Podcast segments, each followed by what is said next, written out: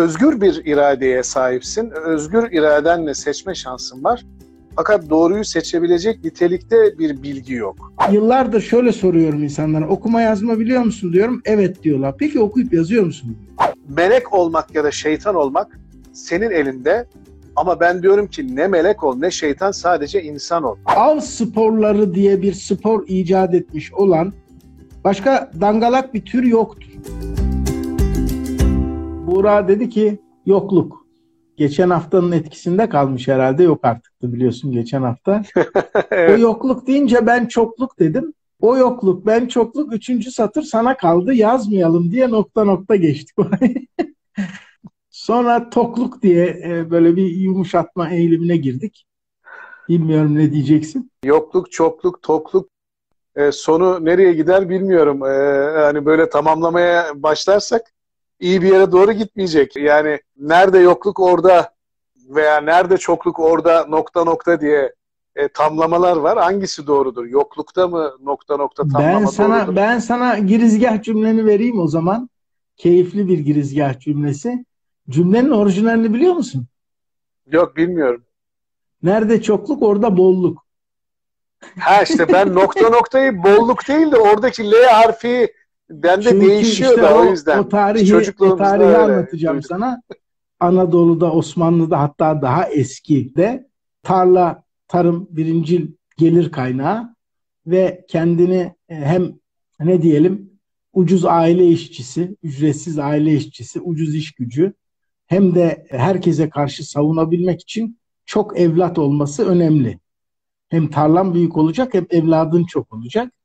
Dolayısıyla böyle biraz da üremeyi teşvik amacıyla nerede çokluk orada bolluk e, diye cümlenin orijinali. Yani ne kadar çok geniş bir aile olursan, ne kadar çok çocuğun olursa o kadar bolluk içinde olursun, daha çok üretirsin diye. Eski toplum yapısı geniş toprak, tarım ve geniş aileler istiyor. Dolayısıyla biraz üremeyi de teşvik etmek için nerede çokluk orada bolluk deniyor. Yani ne kadar çok çocuğun olursa, tarlan ne kadar büyük olursa o kadar çok ürün alırsın. O kadar seni koruyabilirler, ileride rahat edersin diye. O çokluk bolluk denklemi. Fakat e, genelde atasözleri söylendiği tarihte donar kalır. Bu evrim geçirmiş bir atasözü. Toplumlar tarımı bırakıp şehirlere taşınınca ama birdenbire de o çocuk sayısı azalmayınca nerede çokluk orada bokluğa doğru evrilmiş ve e, zamana kendini adapte etmiş bir söz. Anlaşıldı. İlginç Bugün aile aile aile planlamasından bahsedeceğiz. Yok aile Doğum planlamasında kontrol, prezervatif kullanımı, e, kadın doğum jinekoloji yani konuların alt başlıkları belli oldu Muratçım. Çok güzel. Çok ilgi Şart çekici konular Çünkü yani. şuradan gitmek istiyorum aslında senin sevdiğin kısımdan. Nerede çokluk orada bolluk dediği şey aslında nicelikle ilgili bir şey. Mesela ilk konuşabileceğimiz konu şu. Nicel olarak çok olan her şey verimli midir? Çok çocuğun var, her zaman çok çocuk iyi midir? Çok paran var, iyi midir? Çok araban var, efektif midir?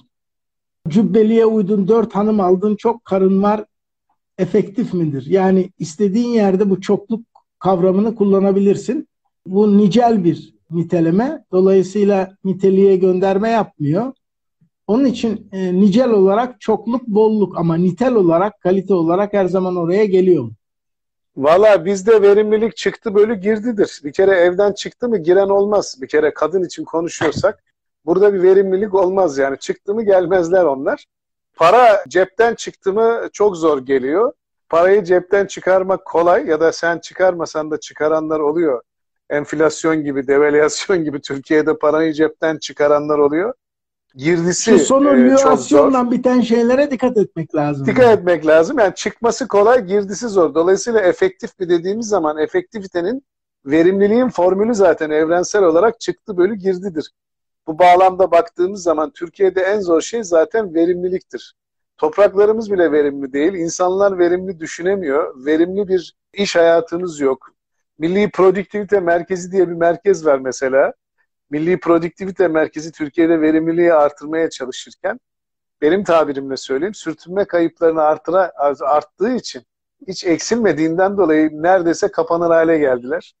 Milli Prodüktivite Merkezi bile bir şey yapacak hali kalmadı bu Türkiye'ye. Çünkü kendisi verimli değil yani. E, kendisi verimli değil çünkü Ali, biz bir, bir şey kere... söyleyeyim hemen. Heh. Küçücük doktora Söyle. tezimi yaparken bir araştırma yapmıştım.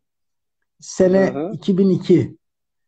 CNN International yani bütün dünyada yayın yapan CNN. O zaman böyle CNN, Türk CNN bilmem ne yoktu. Bir tane CNN vardı. 647 ya da 57 personeli vardı dünya çapında. Aynı gün yani 2002 yılında TRT'nin 12.500 küsür personeli vardı.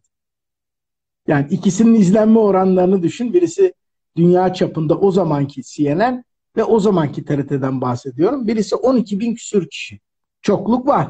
Verimlilik var mı? Yok. Demek ki bir şeyin çok olması verimli olduğu anlamına gelmez.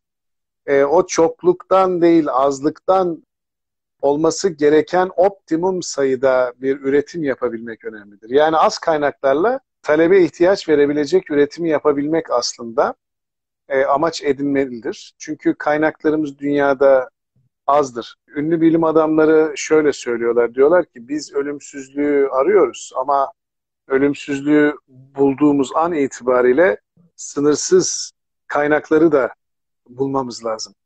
Hani ölümsüzlüğü buldun ama sınırsız yaşam kaynaklarını bulamazsan ölümsüzlük dünyanın başına en büyük bela olur. O yüzden hani biz neyi arıyoruz ve neyi buluyoruz buna bakmak lazım. Türkiye'de aslında kaynaklarımızı doğru kullanmadığımız ölçülebilmiş. Bugün her yaptığımız 100 e, birim işten 98 tanesi katma değersiz Murat. Katma değersiz ne demek? Bir defada yapılamayan, girdi ile çıktı arasında bir değer oluşturamadığımız ve o çıktıya ben bunu almak istiyorum diyen gerek iç gerekse dış müşteri tarafından talep görmeyen her adıma katma değersiz iş diyoruz. Bunun tam tersi ise Kardeşim, katma bizi değerli izleyen Türk toplumu bak bizde katma değer dediğin zaman insanların aklına bir tane fiş katma değer yüzde sekiz, yüzde on, yüzde on sekiz geliyor yani katma değer. Evet, evet. Turgut Özal geliyor, KDV geliyor. Dolayısıyla ölümsüzlüğü bulamayan bilim adamlarının aksine ölümsüzlüğü bulmuş Kemal Sunal geliyor mesela. KDV Şaban geliyor aklıma. Ölümsüzlük o değil midir? Yani Münir Özkul, Adile Naşit, Kemal Sunal, Zeki Alasya, Yıldız Kenter yani aklına gelebilecekleri say. Bunlar öldü mü? E tabi soyut anlamda dediğin doğru. Aslında e, ölümsüzlüğü ben soyut değil de e, insan e, egosu olarak baktığımda canlı, nesnel olarak ölümsüzlüğü isterim. E, zaten e, insanlar öldükten sonra anılma konusunda çok fazla kafayı yormadıkları için Muratçım. Yine aynı sözü söyleyeceğim. Dolmuş şoförlerinin söylediği gibi öldükten sonra ya ananla ya anılarınla anılırsın meselesinde e, anılarıyla anılmadıkları insanların belli. O yüzden yani bir kere biz toplum olarak öyle güzel şeyler, izler bırakalım. Davranışlarımız bizim rol model olsun, bizi hep hatırlasınlar ve güzel hatırlasınlar e, ve güzel konuşsunlar derdinde değiliz. Biz bu dünyada sıkışmış kalmış, iki arada bir derede kalmış varlıklarız. Mesela cüzdanıyla vicdan arasında kalmış, dünya ile ahiret arasında kalmış, kayınvalidesiyle karısı arasında kalmış, çocuklarıyla kendi arasında kalmış. Devletle, Bunları düşünmemek için e, beyaz peynirle kavun arasında kalmış bir, evet. camia da var. E, şöyle bir selam yollayayım ben onlara. Aleyküm selam, aleyküm selam. Mutlaka bir, bir, bir selamın gitmiştir ilgili yerlere. E, bu bağlamda bakacak olursak insanlar arada kalmış topluluklar haline geldi. Yani arada kalmak, arafta kalmak çok zor Murat. O yüzden e, hayatın en önemli baskısını burada yaşıyorsun. Özgür bir iradeye sahipsin. Özgür iradenle seçme şansın var.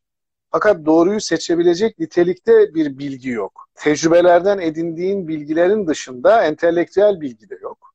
Soran, sorgulayan, araştıran bir paradigma yok. Bu açıdan bakacak olursak aslında yığınların, insan çoklukların çok fazla fikir üretmesi gerekirken ki biz hani sen de biliyorsun Gördün 12 mü? Bak, kişiyle beyin fırtınası çokluğu yapıyoruz. anlatırken aslında yokluğu anlattın. Son saydığın evet. 8 cümle hep evet. yok. Doğru.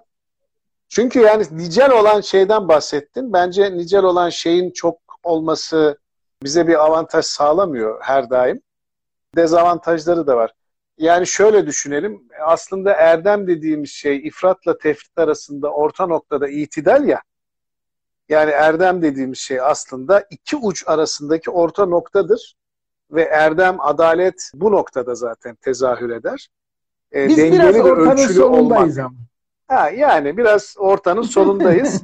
Sola doğru e, kayan bir rök balansımız var. E, çünkü emekten yanayız. Haktan yanayız, hakkaniyetten yanayız. Karşı olduğumuz şey sömürü, her türlü insan hakları ve insan onurunu yok eden davranışların karşısındayız. Hem bireysel hem toplumsal Eyvallah. olarak. O yüzden biz kendi çapımızda burada bir şeyler söylerken biz çokluğa itiraz etmiyoruz. Yokluktan kurtulabilmek için çoğu yönetmeye çalışıyoruz. Çok dediğin şey relatif bir kavram. Mesela yok dediğin şey de e, asgari ücret alan bir, kişinin kavram. tabii göre yani bunlar hepsi izet izafi şeyler. Şöyle düşün, asgari ücrette bir kişinin iki katı maaş alması onu inanılmaz derecede sınıf atlatırken 2300 liranın e, yaklaşık bir ayda 50 bin TL geliri olan bir kişi için çok bir şey ifade etmeyebilir. O yüzden hayat standartların ve elde ettiğin emek karşılığında ne alıyorsun ona bakmak lazım. Zorla kazanılan bir paranın her bir kuruşu çok önemlidir ve değerlidir. Kolay kazanılan paranın ise miktarı artsa bile çok önemli değildir. Çünkü kolay kazanıldığı için tamah edilir ve tatmin olunmaz. Tatmin duygusu taleple arzu arasındaki dengeyi kuramadığı için yani çünkü biz diyoruz arzular ki yani bir şey şelale. şey arzular şelale Fadime nerede? Yani Murat olaylara biraz farklı bakmak istiyorum. O yüzden kusura bakma hani sen konuyu çok açtın. keyifli. Ben Yok, de doğru. ben de ıs, ısınarak e, çok e, geldiğim söylenemez. Bugün zor ve yoğun bir günüm vardı. Oradan çıkar çıkmaz hemen çokluk mu yaşadın? E, çokluk yaşadım. Zamanı kötü kullandım. Zaman çoktu ama ben kaynağı iyi kullanamadım. Zaman her şeyin önünde. Bu açıdan bakacak olursak aslında ben şöyle söyleyeyim. Hayatımızda 70 ortalama bir 70 yaşı 14-15 yaşındaki bir çocuk için çok uzakta görünürken bizim gibi 50'ye merdiven dayamış veya 50'yi bir tık geçmiş insan için ya şurada topu topu görsek en fazla 20 tane daha bahar göreceğiz. Zaten bu 2020 yılının baharı mı, gezi, gündüzü, gecesi, e, kışı e, her şey birbirine karıştı. E, dolayısıyla burada sanki 20 göreceğimiz ortalamada baharın 10 tanesi öyle 2020 deme, yılında öyle deme gördük. Ali yani 150 yaşına kadar yaşayıp salgın görmemiş insanlar var. Sen onlara göre şanslı bir adamsın yani. Doğru. Hayatında yani pandemi diye bir kelime şimdi ben sevmiyorum hep salgın diyorum. Evet. Hayatında pandemi görmemiş görmemiş derken tabii ki her 100 senede bir, bir şeyin salgını çıkmış ama e, o zaman bu kadar iletişim aracı yokmuş, mavi turkuaz ekranlar yokmuş, bakan her gün farklı bir sayı vermiyormuş. Adam da bir yerin köyündeymiş, gelmiş, geçmiş. Şimdi desen ki ona 120-130 yaşında bir amca bulsan, sen daha önce hiç salgın yaşadın mı amca desen, ney, ney diyecek sana yani. sen bak bir seneyi kaybettim diye düşünme. 70 senelik, 80 senelik Allah uzun ömür versin hayatta değişik bir sene yaşadım diye düşün. Niye Şimdi bu örneği verdim? Çünkü hep konuştuğumuz şeye geldik. Ben hep derim ya izafiyet aslında fizikten daha çok hayatın, sosyal bilimlerin kuralıdır diye. İşte e, sen e, mühendissin. E, mutlak yokluk, mutlak çokluk yoktur. Niye yoktur? Mesela mutlak siyah da yoktur. Mutlak karanlık yoktur. Hatta karanlık yoktur. Aydınlık yokluğudur karanlık. Işık yokluğudur. Bu da e, Einstein'ın teorisi. Hatta çok güzel açıklar. Biliyorsun okul yıllarından anekdotu vardır. Hocasına soruyor hmm. karanlık var mıdır? Vardır diyor. Yoktur diyor. Işık yokluğu vardır diyor orada. Sonra diyor şeytan var mıdır? İşte vardır diyor. Yoktur. Tanrı yokluğudur. İç insanın içindeki Tanrı evet. ve Tanrı sevgisi eksikliğidir diyor. Böyle birkaç örnekle anlatıyor. Sonuç şuraya geliyor. Yokluk dediğimiz kavram tabii ki yoksunluk, eksiklik var ama yokluk da mutlak değil. Çokluk da mutlak değil. Öyle değil mi? Şimdi mutlak dediğimiz zaman değişmez ve sonsuz anlamına gelen bir şey ifade eder. Mutlak dediğimiz zaman kesinlik ifadesi vardır. Tanrı'nın varlığının mutlak kabulü bir imandır ama deneysel olarak mutlak değildir. Çünkü aşk ve imanla ve sezgiyle mutlak kabul ettiğin şeyleri pratik akılla bunları netlik kazandıramayabilirsin. Bir şeye mutlak diyorsan zaten içsel olmalı, dışsal değil. Dışsal olan hiçbir şey mutlak değil. Yani güneşin enerjisinin, kainatın entropisinin mutlak olmadığını bilen bir yaratılış hikayesini tespit etmiş durumdayız. Yaratılışın hikayesinde her şey değişen, yaratılan ve bozulan ve tekrar devinim yapan ama sonlanabilecek bir düzen içerisinde kainatın olduğunu düşünürsek hiçbir şey mutlak değildir. Mutlak olan sadece onu yaratan yaratıcıdır. Burada kötülük ve iyilik dediğimiz şeyde aslında şöyle bakmak lazım. Kötülük bir kavramdır. Kötü dediğimiz şey ise tikel sadece bir imgedir. İmgelerle e, hayatı yaşarsın, kavramlarla hayatın anlamını bulursun. Yani kötü dediğin zaman bireyi, bir şeyi kötülü, kötü yapmak için bir zihninde bir imge oluşur. E, ve bu imge daha önce yaşadığın bir tecrübeden kaynaklıdır. Sende oluşmuştur. Ama kötülük bir kavramdır. Ve o kavram senin e, mutlaka üzerinde durman ve anlaman gereken bir şeydir. Şeytan dediğin zaman tikeldir ve bir imge oluşur kafanda. Ama şeytanlık dediğimiz ya da şeytanın yapmış olduğu kötülük, bozgunculuk, vesvese dediğimiz zaman bir kavramdan bahsetmiş oluruz. O yüzden mutlak olan aslında senin kavramlarında gizlidir. Çünkü kötülük hiçbir zaman affedilen bir şey değildir ve cezası mutlaka bu dünyadan sonra da öbür dünyada verilecek olan bir şey olduğu için kavramsal olarak kendini devam ettirir. Dedin ya algıyla yaşarsın ve kavramla evet, anlamlandırırsın kavramla diye. Anlam verirsin. Bir de evet. bir de buna anın bilgisi geliyor. Doğru. Gözlem geliyor. Bir markete giriyorsun, tam bir şey alacaksın. Bakıyorsun Hı-hı. birisi bir şeyi çalıyor ve kaçıyor senin kavram dünyanda bedelini ödenmeden bir şeyin alınması hırsızlık eşittir kötü. Ve sen o kavram dünyası ve gördüğün, algıladığın hareketi birleştirip kötü bir şey yaptı diyorsun. Ama o anın bilgisi. Belki de evet. o ekmeği çalan çocuk dört gündür bir şey yemedi. Hı hı hı. Belki iş istedi vermediler, horladılar, dövdüler, kovaladılar, sokakta yatıyor. Yani bizim hayata dair gözlemlerimiz iletişimde hep anlatırız bir ana ilişkindir. Bir buçuk saatlik bir sinema filmini salonun kapısını açıp içeri perdeye bakıp geri kapatıp ben beğendim ya da beğenmedim demekle aynı şey. 70 sene dedin demin ömür koyduk ortalama. 70 İnsanın yaşında da. bir insanın diyelim ki bu hadise vuku bulduğunda bu hırsızlığı yapan diyelim ki 30 yaşında olsun. Sen o iki dakikadan önceki 30 seneyi görmedin. O iki dakikadan sonraki 40 seneyi de görmüyorsun. O 2 dakikayla 70 senelik bir ömre, o ömrün sahibi olan insana bir değer biçiyorsun. Niye? Kavram dünyan ve algın çakıştı ve kötü dedin. Dolayısıyla evet. mutlak kötü dediğin zaman işte acaba mutlak kötü müdür? İşte mutlak kötü onu anlatmaya çalışıyorum. Mutlak kötü işte dediğin soru şey burada bir de algı yanına kavram, bir de an giriyor. Evet, kavramda gizli. Mutlak kötü dediğim bir şey kavramda gizlidir. Tümeldir, tikel değildir. Yani bir insana kötü dediğin zaman tikel bir şey söylersin ve bu imgedir.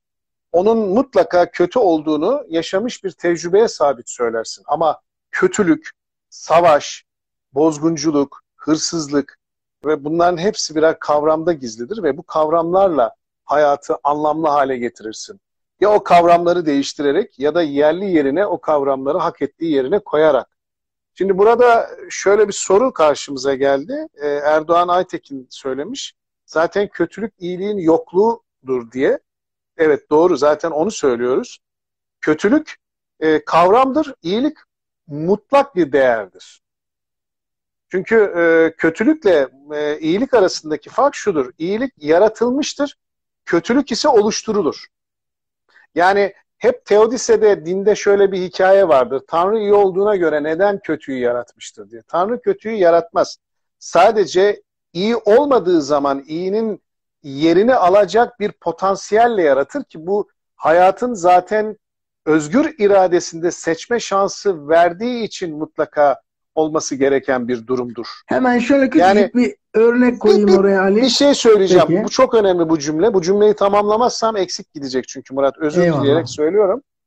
Ee, siz bu konuyla ilgili eğer bir seçme özgürlüğüne sahip dünyaya geldiyseniz iyi ve kötünün olması gerektiği konusunda zaten bunu kabul etmek zorundasınız. Eğer seçme özgürlüğü bir nimetse, külfet olmaktan nimetse ve bir canlılığı içerisinde, yaratılan canlılar içerisinde sana verilen, sana bahşedilen en büyük özellikse o zaman iyi ve kötünün olması gerekir. Ancak kötülük istenen Tanrı'nın istediği ve yarattığı bir şey değil. İyiliği yapmadığın zaman yerini alan, biraz önce örnek verdiğinde ışık enerjidir, olmadığı zaman karanlık. Isı bir enerjidir, olmadığı zaman soğukluk ki soğukluk karanlık bir enerji değildir. Örneğin bir hijyen olmadığı zaman, temizlik olmadığı zaman mikroorganizmanın üremesi ve hastalık nasıl oluşuyorsa olması gereken mutlak değerdeki yaratılmış olan iyinin insanın doğasında gizli olan, potansiyelinde gizli olan her iki şeyin de açığa çıkması meselesidir. Teodise diye geçen teolojide yani dinde sorgulamada teodise dediğimiz yani kötülük problemi dediğimiz şey aslında kötülük potansiyel olarak insan eliyle üretildiğinden dolayı özgür iradenin bizde olduğunu ve özgür iradeyi veren de bir yaratıcının olduğunu ispatlayan bir argümandır diyor. Sözü sana veriyorum. Şöyle, tabii insan iradesi dedin önemli. Şöyle düşün, insanlar yok dünyada, hayvanlar da yok. Bir deprem oldu. Şimdi bu deprem oldu, toprak, dev toprak kütleleri kaydı ya da volkan patladı vadilerin birkaç tanesini volkanik tüflen doldurdu. Şimdi bu olay iyi midir, kötü müdür? Bunu yorumlama şansın yok. Şöyle düşünüyorum yani volkan patladı, sel oldu, deprem oldu, ortada insan yok, hayvan yok. E bu iyi bir şey oldu ya da kötü bir şey oldu. İki nedenden diyemiyorsun. Bir, işte iyi ya da kötü olmasının sebebi genellikle can kaybı, ölümdür. Ortada öyle bir şey yok. İki, bu gözlemi yapıp bu karara varacak bir canlı yok ki o da insan. Yani evet. hayvan bundan kaçıyor, Burada, bu... gidiyor. Ama kötü evet. oldu ya tüh keşke yanmayaydı diye bir sonraki orman meclisi toplantısında tilkiler kurtlarla bunu tartışıyor. Doğru. Tabii kötülükle ahlaki kötülüğü birbirinden ayırmamız lazım. Tabii kötülük, deprem kötüdür dediğin an itibariyle bütün okyanuslardaki şu anda dalma batma zonundaki litosferin insan derisi değiştirir gibi kendisini yenilemesi konusuna e, zaten e, bilimsel olarak ne gereği var dediğin an itibariyle bütün yeryüzündeki hareketsizliğin büyük bir felakete neden olacağını bilmelisin. Bunu yer bilimci olarak söyleyebilirsin. O yüzden ben söyleyemem. Ben sosyal bilimciyim. Ben, Sen öyle ben yer bilimci ki, olarak söyleyebilirim yani. O söylediğinin Elmalılı Hamdi Yazır mealini bizimle paylaşırsan litosferin stratosfere dik girmesi. Evet. Deprem bir nimettir. Söylüyorum deprem bir nimettir. Deprem yaratılış hikayesinde bu kurguda, bu projede, ilahi projede olması gereken bir şeydir. Deprem olduğu için şu anda kıtalar hareketli ve hareketli olduğu için alttaki mağma tabakası devinimle yukarıdaki levhaları hareket haline getiriyor ve böylelikle yer altından yer üstüne konveksiyonel akım çıkmak suretiyle yeryüzünde dönme, elektromanyetizma meydana geliyor. Ve bunlar birbiriyle bağlı olan fizik kuralları. Şunu söylemeye çalışıyorum. Deprem iyidir ama depremin olduğu yerde aklın ve bilimin ve bilginin tespit ettiği tehlikeli burada bir herhangi yapılaşma olmaz dediği yere yapıyı kurmak ve insanların orada yaşamasını temin etmek kötülüktür. Deprem... Ama niye öyle diyorsun? Bak bizim belediye encümen kararlarımız var. 1940'ta 50'de alınmış şehir içinden geçen fay hattını encümen kararıyla şehir dışına alınmasına dair karar var. Yani adam daha ne yapsın bir belediye? Daha ne yapsın yani? Karar Doğru. vermiş. Fay, hattını hattı, 50 kilometre daha ileri alabiliyorum. Etmiş yani. Tayin Sen etmiş demiş tabii. buradan yürü. Hatta sürgün etmiş. Çık demiş benim ilin sınırları. Demek ki diğer valilerin haberi olmadı ki. Onların sınırına girince fay anasına aynen öyle orada çatlamış. Yani yer altındaki çatlaktan çok yer üstünde çatlak olduğu için Doğru Gerçi söylüyorsun. ben hep söylerim çatlak iyidir. Bir havayı geçirir, iki ışığı geçirir. Doğru. Çatlak demiyorum çünkü çatlak olsalardı içeri biraz ışık biraz da hava girer.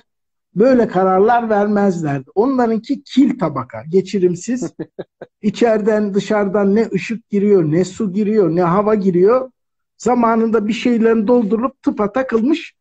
Dışarı ve içeri girip çıkma olmuyor. İşte o zaman senin dediğin gibi o hareketler olmayınca da bir süre sonra basınçtan gidiyor demek ki. Baskı balatayı sıyırıyorlar. Sıyırıyor. Bak bu beyinler zaten bence e, verimsiz beyinler. Senin ilk başta söylediğin gibi kütle ağırlığımızın yüzde ikisini oluşturup toplam enerjinin yüzde yirmisi ile 25'i arasında tüketen bu beynin mesela bu kadar enerjiyi tüketip de bu enerjinin sonucunda iyi ve doğru bir şeyini yapmaması aslında bu insanın e, karbondioksit salınımına ve yeryüzündeki bir alanı işgal etmesinden başka bir işe yaramadığını düşünüyoruz. Ancak öldükten sonra tabii ki bir gübre olması hepimizin olduğu gibi bir faydalı en azından o konuda bir fayda sağlıyor. Yani dirisi sağlamadı, ölüsü sağlıyor.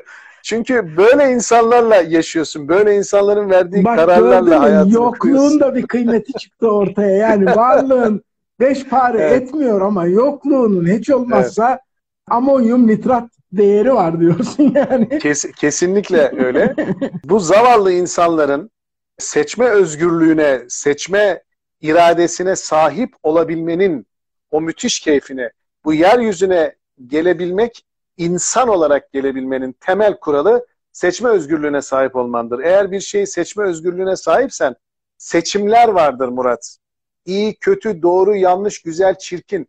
Ahlak, erdem bunları birbirinden ayırır. Hikmet bunları birbirinden ayırır. Eğer aklın varsa bir hikmete, hükme ve bir sonuca varırsın. En doğrusu şöyle bir şey söylemek lazım. Eğer seçimler varsa, hayatta iyi ve kötü varsa özgür irade vardır. Özgür irade varsa sorumluluk vardır. Sorumluluk varsa hesap verebilme yeteneğine sahip bir insan olduğunun göstergesidir. Herkesin kaçtığı şey de olur. Kaçtığı şey sorumluluk hesap verebilme yetisiyle ölçülebilen bir aslında erdemdir. Sorumluluk dediğimiz şey sorulan sorulara cevabı verebilmek, yaptığın her işte kendini sorgulayabilmenin ortaya koymuş olduğu ideal bir ahlak ilkesidir. Çok naiftir ve çok rafinedir. Aytekin Erdoğan demiş ki bu Heraklitos'un diyalektik ve zıtlık kavramlarını akla getiriyor. Yokluk, bolluk, iyi, kötü, doğru, yanlış diye. Şimdi e, Tez, doğru antites, sentez. e, dualite aynı zamanda aynı Doğru. zamanda yin ve yang e, uzak Hı doğu hı. felsefesinde ama dün de başka bir platformda konuştuk hatırlıyorsan hani güzel bir cümle vardı neydi? Aşkın içinde bir nokta akıl, aklın içinde bir nokta aşk Bir- olacak diye. Aşkın içinde bir Yin damla ve Yang'da akıl, bir damla aklın içinde bir damla aşk. evet Yin Muhammed ve Yang'da da siyah ve beyaz vardır. Beyazın içinde siyah bir nokta, siyahın içinde beyaz bir nokta vardır. Şimdi yokluk ve çokluk arasındaki ilişki de biraz böyle. Tasavvufta da böyledir. Hiçlik aynı zamanda heplik demektir. Hiç olmadan hep olamazsın. İkisi zıt gözükür ama bir noktada birbirinin içine girer. Keza zaten biri öbürünün yokluğudur dediğimiz kavramlar. İyi, kötü dediğin şey kötü iyiliğin yokluğudur. Yanlış doğruluğun yokluğudur diye bakabilirsin. Matematikte eksi artının yani var olmanın, pozitif olmanın eksikliğidir. Sıfır her dilde, her dinde, her inançta ve bilimde de çok ilginç bir sayıdır. Çünkü hiçbir şeydir ve hepsidir. Aynı zamanda heplik ve hiçlik de böyle değişik bir şey. Bir farklı bir şey daha söylemek istiyorum. Biz hep yokluk konuştuk. Bir de bunun türevleri var. Mesela yoksul var, yoksun var. Yokluktan türetilmiş şeyler. Mesela yoksunluk özellikle madde bağımlılığı gibi durumlarda kullanılan bir kavramdır. Yoksunluk çekiyor diye. Sadece maddeyle ilgili değil, aşkla ilgili de söyleyebilirsin. İşte sevgilisinden ayrıldı, yoksunluk çekiyor. Aslında bir bağımlılık eski dilde iptila, onun sahibi olana da müptela deniyor. Bir bağlılık, bir bağımlılık şeyi. Bir de yoksulluk var. O da ilginç. Ben çok kullanırım biliyorsun. Türk Dil Kurumu yoksulu ve varsılı üretti. Vatandaş varsılı sevmedi. Genelde yoksul olduğumuzdan herhalde yoksulu kabul ettik.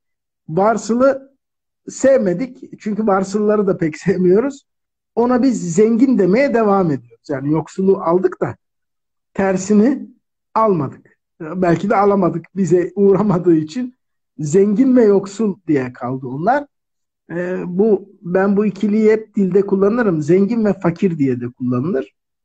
Bunlardan birisi biliyorsun Farsça, birisi Arapça. Zengin Farsça, fakir Arapça. Fakirin karşılığı Arapçada çok gündelik dilde kullandığımız bir şey gani. Fakr, FKR kökünden geliyor. Öbürü de gani, bol demek, bolluk demek. Gani gani rahmet eylesin dediğimizde. Zenginin de Farsçadaki karşıtı derviş. Derviş aslında bizdeki tam anlamıyla böyle sakallı din adamı falan hayır. Yoksul demek. Zaten bir yoksul derviş diyoruz ya aslında bir yoksul yoksul demiş oluyoruz. Biz yoksul kavramını ve yoksun kavramını da konuşalım istiyorum. Çünkü yokluk mutlaklığını konuştuk. Sen demin dedin ki 2300 lira asgari ücret 50 bin lira alan için bir şey ifade etmiyor. İki sayı daha vereyim sen oradan devam et. Bir özellikle sendikalar şey yayınlıyorlar biliyorsun bir açlık sınırı bir de yoksulluk sınırı. Dört kişilik Dört. bir aile için diye. Şimdi o rakamı al Amerika ile karşılaştır. Norveç'le bir de Çin'le. Çin'in kırsal bölgesiyle mesela karşılaştır. Hatta o kadar uzağa gitme. O rakamı al Türkiye'de bir İstanbul, bir normal bir şehir Çankırı olsun. Bir de bir yerin köyü olsun. Aynı sınır, aynı para, aynı şeylere tekabül ediyor mu etmiyor? Murat Jim Carrey'nin sözü aklıma geldi. Jim Carrey diyor ki Tanrım diyor insanlara en çok istediği parayı istediklerinden daha fazla ver ki onlar parayla bir şeyin çözülemediğini ancak öyle anlasınlar. Şimdi biz hayatın kendi özünde insanların geçimlerini sağlayabilecek standart bir paradan bahsetmiyoruz. İhtiyaçtan fazlasının biriktirilerek yoksulun, emekçinin hakkından çalınarak bir sermayenin, haksız bir sermayenin birikiminden ve belli bir elde toplanmasından bahsediyoruz. Eyvallah. Sosyal adaletsizlikten bahsediyoruz. Gelir dağılımı eşitsizliğinden bahsediyoruz. Bu ülkede eğer açlık sınırında yaşayan 20 milyon insan varsa 81 milyon insanı 20 milyon açlık sınırında açlıktan ölmüyorsa bir mucizeyle değil. Bu aslında insanın kendi etrafındaki iyi insanlar vasıtasıyla elle tutulduğu akrabalık, arkadaşlık, dostluk, komşuluk ilişkilerinin daha hala ölmediğini, iyiliğin mutlak değerde kendisini koruduğunu ama kavramsal olarak yine kendisini daha büyük alanlara taşıyacak ve sorgulanacak olan kötülüğün de bize en çarpıcı ve en soğuk yerinin hala halihazırda hayatımızı etkilediğini görüyoruz. Bu kötülüktür. Kötülük hakka aslında tavassut etmektir. Haksızlık bu kainatın en temel kuruluş ilkesi olan adaletsizliği yok saymaksa zaten burada kıyameti beklemenin bir anlamı yoktur. Küçük kıyamet zaten Doğru. kopuyor demektir. Doğru. Şimdi şöyle bir şey söyleyeyim e, Murat. Bak bu insanoğlu on binlerce yıl ki on bin yıl geriye gittiğimizi Göbekli Tepe'ye kadar gittiğimiz için söylüyorum. Yoksa doğasal olarak baktığımız zaman 150 e, bin 250 bin yıl arasında insanın kendisini yeryüzünde insan olarak algılayabileceği form babında söylüyorum. 150 bin yıla kadar gittiğimizi düşün ama ben 10 bin yıl öncesinden beri insanların gökyüzüne bakıp Tanrı'yı aradığını ve en temel soruyu Tanrı var mıdır diye bu sorunun cevabını hala aradığını düşünüyorum. Gökyüzüne bakıp da Tanrı neredir diye bakıp ve Tanrı'nın varlığını sorgulayan, arayan o insanlık bir yandan da onu ararken ateşi buluyor, tekerleği buluyor, yazıyı buluyor, sonra medeniyetler kuruyor, buharlı makineleri buluyor ve büyük teknolojilerle donatıyor kendisini. Ama hala Tanrı var mıdır sorusunun cevabını bulamadığı gibi yoksulluğun ve yoksulluğun da çaresini bulamıyor. Hı hı. İşte bu çaresini bulamayışının sebebi iki paradigma üzerine kuruludur. Aslında birinci paradigma çokluk paradigmasıdır. Bir tanesi ise yokluk paradigmasıdır. Çokluk paradigması barışı, adaleti, sevgiyi, merhameti, paylaşmayı yani bütün dini olguların ve ahlaki erdemlerin söylediği şeydir. Her şey çoktur aslında. Sadece ve sadece bunu paylaşabilmenin keyfine ve o mantığa ve adalete bürünmen yeterlidir. Bir iradeyle yapmalısın bunu. Yönetim dediğim şey budur. O yüzden ülkeler adaletle yönetilir derken ülkelerin hakları ve kaynakları yani aslında kaynak haktır. Adaletle yönetilir anlamına söylenir. Bu çokluk ilkesinde, bu paradigmada savaş yoktur. Çünkü her şey çoktur ve hakça ve adaletçe paylaşılmalıdır ilkesi ve paradigması varken diğeri ise yokluk paradigmasıdır. Yokluk paradigması ise hiçbir şey yoktur. Aslında az kalmıştır. Ve dolayısıyla benim elimdeki de az olduğu için ben Murat'ın elindekini şimdiden almaya gayret etmeliyim ki ben elimdekini tükettiğimde yok olmasın bende o kaynaklar. İşte bütün savaşların, gözyaşının, bütün felaketlerin, acıların temel aslında paradigması, kötülüğün kavramsal adı yokluk paradigmasıdır. Ve bunu biz bir şeytanla kavramsallaştırmanın ötesinde bir imgeyle de ne yapıyoruz? Dinlerde olduğu gibi bir şeytan imgesi yaratıyoruz zihinde. Evet, trafik o şeytan gibi. Bizim imgesi, dışımızda evet, bir şey yok. Bir şey dışımızda.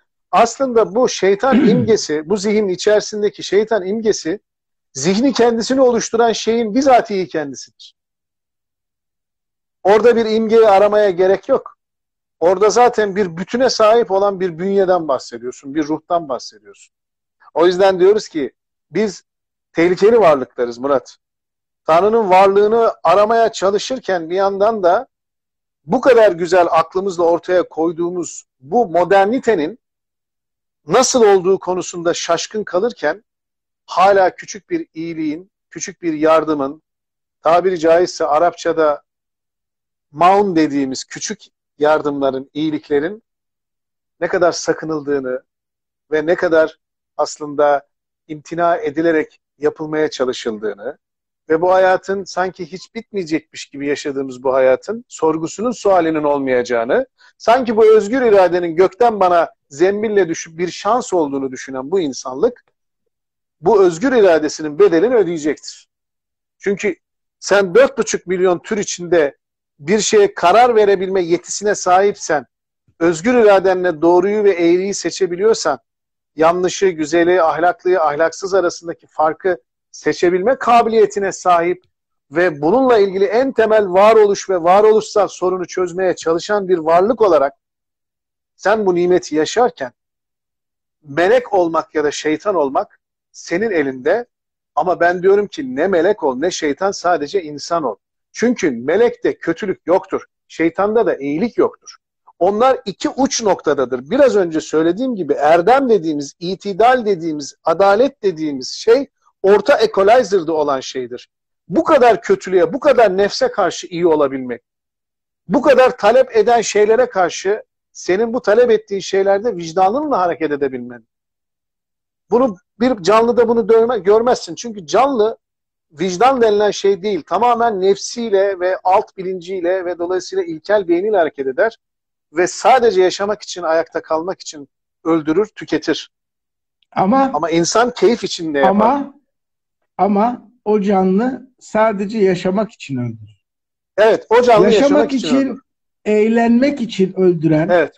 avı av sporları diye bir spor icat etmiş olan başka dangalak bir tür yoktur. Melek olmak ya da şeytan olmak senin elinde ama ben diyorum ki ne melek ol ne şeytan sadece insan ol. Durursun gerekirse gücün yetiyorsa gergedan da öldürür yersin. Evet.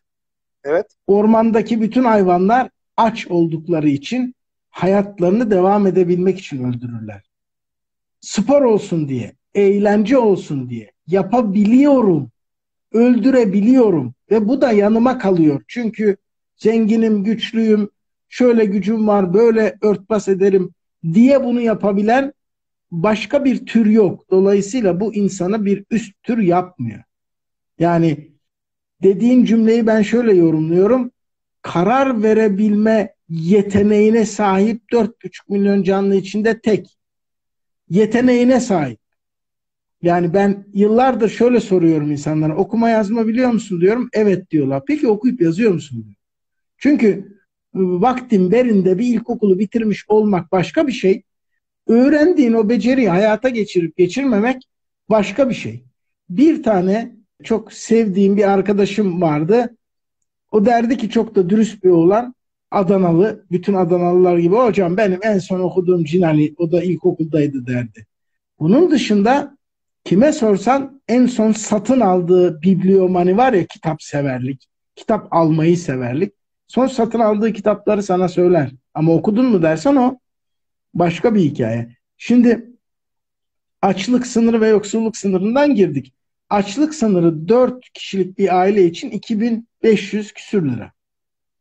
Yani bir kişi 2300 lira kazanıyorsa o aile açlık sınırının da altında. Şöyle düşünelim. Baba, anne, iki de çocuk. Bir tek evde bir kişi kadın ya da erkek çalışıyorsa o aile açlık sınırının altında. İki kişi çalışıyorsa, ikisi de asgari ücret alıyorsa ki Türkiye'de yüzde kırktan fazlaya tekabül ediyor bu.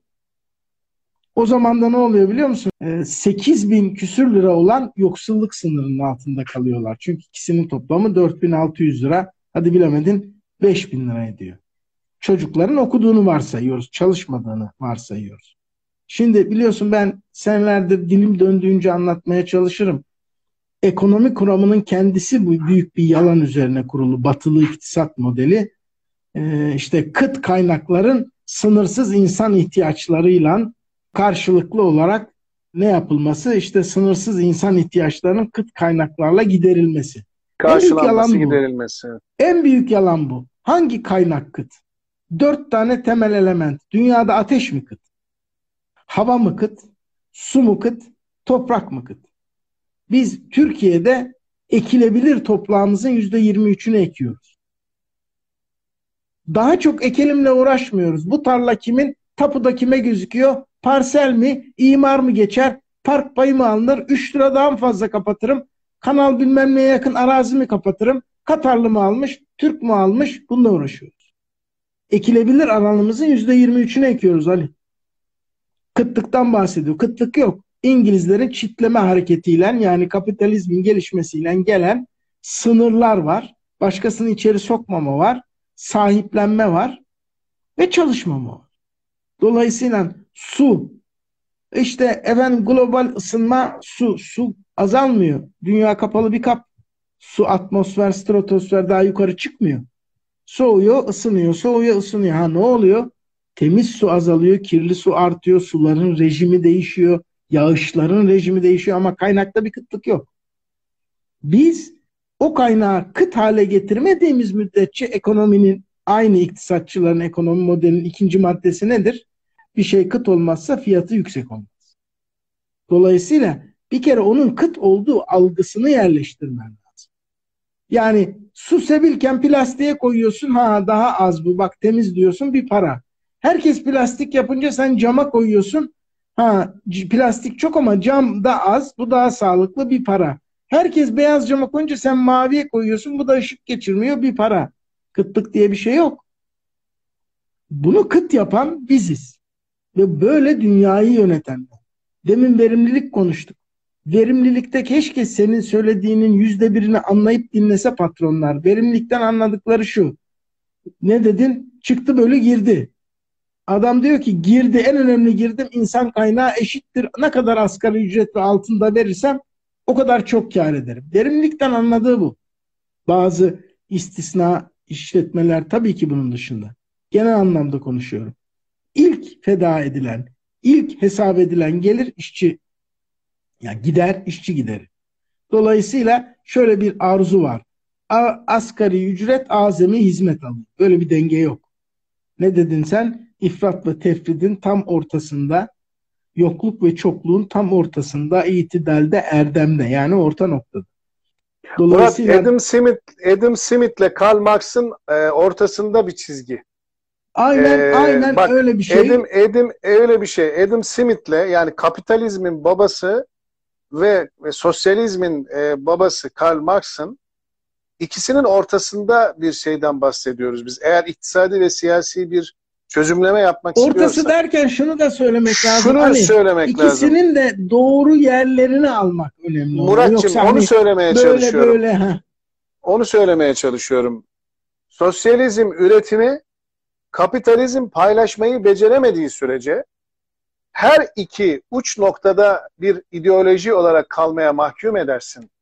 Kapitalizmin hür teşebbüsünü ve hür teşebbüsün hayata geçirilmesinin aslında verimliliğini, sosyalizmin ise ürettiğin şeyin sosyal adalet ve hak sahiplerine hakça ve adaletçe dağıtılabilmesi ilkelerini karma hale getirip bunu yeryüzünde olgunlaştırabilecek ve olgu halinde insanlara yaşam formları sunabilecek bir yönetimden bahsediyoruz. Neden olgu diyoruz? Çünkü olgular sonuçlardır. Olaylar vardır. Olayların her birinin bir sonucu olgudur. Nedenleri olgudur. İşte biz de diyoruz ki varlık sebebimiz bu hayatta, kısa hayatta ne zaman, nereden biletimizin kesileceğini bilmediğimiz bir hayatta hepimizin mutlu olmak hakkı vardır. Mutlu olmak farklı farklı olsa da filozofik olarak ya da metafizik olarak mutlu olmak bu yeryüzünde bir an bile olsa keyif alabilmektir. Yüzünün gülmesidir. İyi ki varım demesidir. Bugün çoğu insanlar neden var olduklarını sorgulayıp kendi varlıklarını yeniden gözden geçiren, bu varlıklarını olmasaydı daha iyi olurdu. Schopenhauer'un gibi aslında insan için en iyi olan şey yeryüzüne gelmemesidir gibi pesimist bir düşünceye sahipse bu insanların mutluluğunu çalanlara sormak lazım. Sen bu insanların mutluluğunu çalmakla zulmetmiyor musun? Zulmettiğin şey şu. Benim hayallerimi gerçekleştirebilecek, potansiyelimi gerçekleştirebilecek o gücümü elimden alırsan, kaynaklarımı elimden alırsan, potansiyelim var, kaynağım yok. Akıllıyım ama iyi okullarda okuyamıyorum. Efendim 10 kişiden bir tanesi çıkmış Kars Ardahan'dan da gelmiş. Çok spesifik bir örnek. Böyle spesifik bir örneği çoğul hale getiremezsin. Bu bu spesifik örnekten tümel bir şey çıkmaz. Başarılı bir hikaye vardır ama genel bir hikaye çıkaramazsın.